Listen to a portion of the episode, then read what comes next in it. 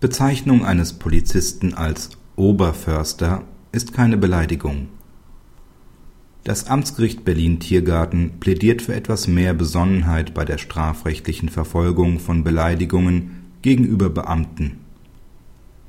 Die Anklageschrift hatte dem Angeschuldigten vorgeworfen, einem als Anhalteposten im Rahmen einer Verkehrskontrolle tätigen Polizeikommissar im Vorbeigehen die Worte Herr Oberförster, zum Wald geht's da lang zugerufen zu haben.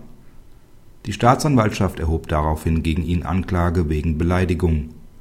Das Amtsgericht Berlin-Tiergarten lehnte die Eröffnung des Hauptverfahrens indes ab, weil es in der Bemerkung des Angeschuldigten keine strafbare Beleidigung erkennen wollte.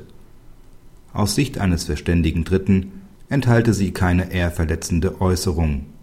Schließlich handele es sich bei den dienstlichen Verrichtungen eines Oberförsters um nützliche und dem Gemeinwohl dienende Tätigkeiten.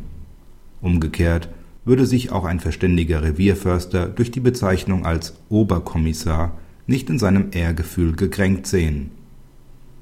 Kritik Das Amtsgericht Berlin-Tiergarten beweist mit dieser ebenso juristisch zutreffenden wie vergnüglich zu lesenden Entscheidung bedeutend mehr Humor und Lebensklugheit als die anklagende Staatsanwaltschaft es redet damit auch nicht einer Nachgiebigkeit gegenüber Beleidigungen von Polizisten das Wort, die in ihrer Ehre selbstverständlich ebenso schutzwürdig sind wie jeder andere auch.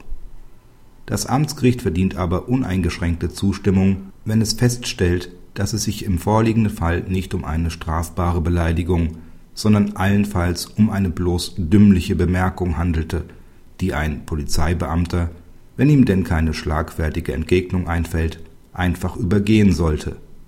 Die Staatsanwaltschaft jedenfalls sollte einem solchen Schmarrn nicht anklagen